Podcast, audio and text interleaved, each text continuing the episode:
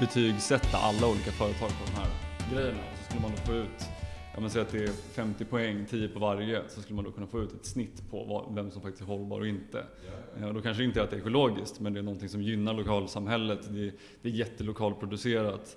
Eh, det, ja, men det kanske har positiva aspekter för miljön fast att det är lite gift i. Mm. Och, Det är ganska intressant för att jag snackade ju med en eh, badrumstillverkare för, ehm, ja, för ett år eller två sedan. Och de sa just de här grejerna att eh, de kikade ju på en massa olika sådana här miljömärkningar, Svanen och allt vad det nu är inom den branschen.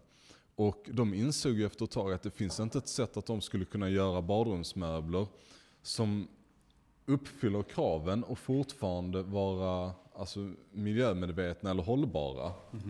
Utan de var tvungna att helt bortse från de här för att det liksom skulle, ja, för att Ja, de ja. skulle liksom förstöra mer än de... eh, Så att det, Och, men det, och det där blir det ju, pro- problemet med alltså all, allting som har med att man ska ha certifieringar, det är ju att det ändå ska finnas ett kontrollorgan som kan kontrollera någonting. För annars måste du vara expert och åka ut själv. Alltså för, för att även som badrumstillverkare, ifall det är någon som säger att våra grejer kommer från Småland. Jaha, men kommer allting från Småland? Produceras det i Småland? Eller är det att träet kommer från Ukraina eller någonting och sen så transporteras det till Tyskland och där råhyvlas det och sen så åker det men sen så är det tio gubbar i Småland som producerar det. Så flisas det upp och pressas till plattor, applicerar lim och sen så helt plötsligt så de här småländska gubbarna, det de gör är liksom, vad heter det? Ehm, fräser in spår och liknande. Precis, det gör de bara det sista men det är småländskt. Sam, samma med liksom typ kött. Kött idag, det liksom, nu, nu, nu finns det de här märkningarna som svenskt kött. Och, och nu, nu är den ganska noggrann med att köttet måste komma från Sverige. Alltså inte slaktas i Sverige utan faktiskt komma från Sverige. Okej, Men- de men- har levt i Sverige alltså? Ja, alltså djuren ska ha fötts upp i Sverige. Men, men det finns ju ingen annan, som, ingen annan märkning som faktiskt kan kontrollera det. Eller som säger att det är okej. Även fast det är ekologiskt eller krav så kan det fortfarande komma från ja, men, eh, Spanien. Och, alltså själva djuret är uppfött i Spanien med deras förhållanden. Och sen så har det då skickats till Sverige och slaktats i Sverige. Och då står det ju svenskt kött. Ja. Men om man kollar i det finstilta så står det ju att eh, djuret kommer ifrån. Så det är ju inte svenskt kött egentligen. Det, det är ett slaktat kött i Sverige. Det är som vissa viner och så här. Hur är det egentligen med de här ekologiska märkningarna? Eh, Alltså just när det gäller kött så är ju framförallt det som många nojar över är ju eh, Alltså mängden, eh, vad heter nu det här man Ant- sprutar in? ant- Ant- antibiotika. Ja, precis. mängden antibiotika och den typen av grejer. Det är ju liksom inte att folk är extremt oroliga för vilken typ av kost djuret har haft. Utan det är ju ett senare problem. Det är ju liksom, man vill att den ska vara äh, gräsbetat och sådär. Då är det ett väldigt fint kött. Men det första problemet är ju framförallt vad har man sprutat in i köttet? Mm, det, blir, det, blir, alltså det är ett ganska stort problem. Alltså just för att ifall vi skulle bli resistenta mot antibiotika.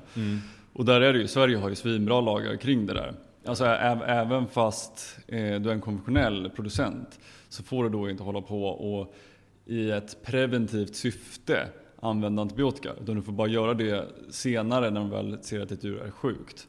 Och det är inte i andra länder. Om vi åker över till Danmark så är det helt annorlunda. Spanien och, men sen ifall man tar då Irland eller Brasilien då är vi liksom i ett helt, helt annat spektra. Men det är fortfarande en, en aspekt av det. Sen, för, det- för det är ju den grejen som kan påverka oss snabbast och mest. Liksom. Att vi skulle bli, få en antibiotikaresistens hade verkligen liksom gjort saker jävligt jobbiga. Men, men sen är det djurhållning är en grej. Alltså hur, hur, hur lever djuret när det väl föds upp? Och sen är det ju ett, ur ett klimatperspektiv. Eh, vad är bra och inte? Och sen, sen när man väl börjar kolla näringsämnen och det. Det här bär ju emot för mig liksom säga en sån sak. Det är att eh, studier som har gjorts visar på att det är inte jätte, jättestor skillnad mellan en konventionellt uppfödd Okej. och en gräsuppfödd ko i själva näringsämnen, alltså eh, vad vi får ut av det som människor. Det, det, det är vissa små ämnen som typ omega-3 som vi då inte får i oss för det får ju ofta gräsbetande kor till exempel. Eh, men då är det i så fall de små mikrogrejerna som är den stora skillnaden. Men i det stora hela så är det ganska samma. Även fast en ko har mått ganska skit. Det är rätt illa. Men eller ja, alltså det, ja. Man, man, vill ju, man, vill ju, man vill ju inte att det ska vara så, eller Nej, hur? exakt. Man, man, man vill ju helst att det ska finnas jävligt tydligt att så här, Ja. ja. men den här kon har levt ett bra liv, därför är den bättre för mig att äta. Den här kon har levt ett eh, svindåligt liv, alltså på alla, alla håll och ätit jättedåligt och därför är den dålig för mig att äta. Hur är det med smaker och sådana grejer? Är det andra saker än näringsämnen som påverkas? Alltså i kött så är det framförallt fett. Fett, fett är, alltså, sen, sen är det beroende på vad vi liksom pratar om för typ av djur. Men i nöt framförallt, och i, ja, framförallt nöt, där är liksom insprängningen av fett i olika delar. För fett är ju det som egentligen transporterar smaken. Ja, och det är därför de här uh, wagyu-biffarna har blivit så jävla populära nu på sistone. Om man tittar på dem så är de ju liksom, det är fett, alltså en fettrand varje halv centimeter. Ja, ja överallt. Men, men sam, samma ifall du skulle kolla på en, eh, en, en svensk, svensk uppfödd biff liksom, jämfört med typ då en eh, amerikansk. Eh, I USA pumpar de in jättemycket majs och, och majsen gör att de får ännu mer fett. Eh, så att en sån köttbit hade vi nog upplevt som att vara godare än en som faktiskt är svensk konventionell. Okay. Hur är det med olika sådana, alltså man hör ju rätt mycket om till exempel soja. Ehm, att det är kanske inte är det bästa för oss i alla, ehm, alla tillfällen. Hur är det för eh, djuren? Alltså, påverkar det smak och näringsämnen på köttet tror jag? Alltså jag är osäker. Just, just jag, vet, jag vet för oss är det absolut, alltså vi, vi, har inte rätt aminosyror för att bryta ner soja. Eh, därav så är det liksom gamla kulturer som i Asien där, man använt soja väldigt länge. Så har då använt eh, alltså koji i många fall. Eh, då gör du liksom alltså soja, soja, mörka grejer som du har på för att bryta ner det, för att få ut liksom, smakämnena och allting. Men sen också tempe eh, som är jävligt stort. Liksom. Det är egentligen samma där, det är en typ av koji, en svamp som man gör för att bryta ner det, som bryter ner med enzymer. Men, men för, för djur så har det väl, jag misstänker att det är ganska bra för soja har ett så pass högt proteininnehåll. Så jag misstänker att det är jävligt effektivt. Sen, sen är det ju att soja inte kan produceras överallt. Nej. Eh, Så då blir det mer aspekten av vart det produceras. Och då börjar vi prata om liksom skövling av regnskog, Amazonas för att det är bra att odla det i typ Brasilien. Liksom. Allt för ekolo- ekologins skull. Yes, men, men sen är det så här Beroende på, det kanske finns, eh, jag är inte jätteinsatt i just soja specifikt. Det kanske finns GMO-grödor av soja som är jättedåliga. Liksom. Men, men i det stora hela så eh, Soja skulle ju kunna vara ganska gynnsamt att odla för att det är en eh, legum. Eh, alltså den, den kan fixera kväve från, eh, från luften till marken och faktiskt ge näring till, till marken. Eh, sen är det lite beroende på produktion och sådana Är saker. inte det, jag läste någonstans om att du har så här, ett specifikt odlingssätt där du använder tre typer av grödor som väldigt bra kompletterar varandra. Tre systrar. Ja precis, jag tror vi har pratat om det tidigare. Mm. Men det, det låter ju väldigt häftigt. Hur funkar det? Det går säkert. Jag har Ja. experimenterat med det. Jag, Ja, jag, det, jag, jag, har experimenterat med det. Så, att, så att tan- tanken är ju där att du ska ha, alltså, det är lite som i det här liksom skogspermakultur, så skogsodling. Eh, där man försöker jobba med olika lager och att de ska komplettera varandra. Mm. Så där är tanken att då har du en böna, eller vi tar det från andra hållet. Du har egentligen majs som, som då växer eh, rakt upp, behöver ganska mycket kväve. Eh, och sen har du en böna. Då ska bönan kunna växa upp på majsen. För han, eller, ja precis, bönan ska växa upp på majsen. För annars måste du staka upp det och bygga någon form av ställning. Och då bönan skickar ner kväve till jorden. Som då ska gynna majsen.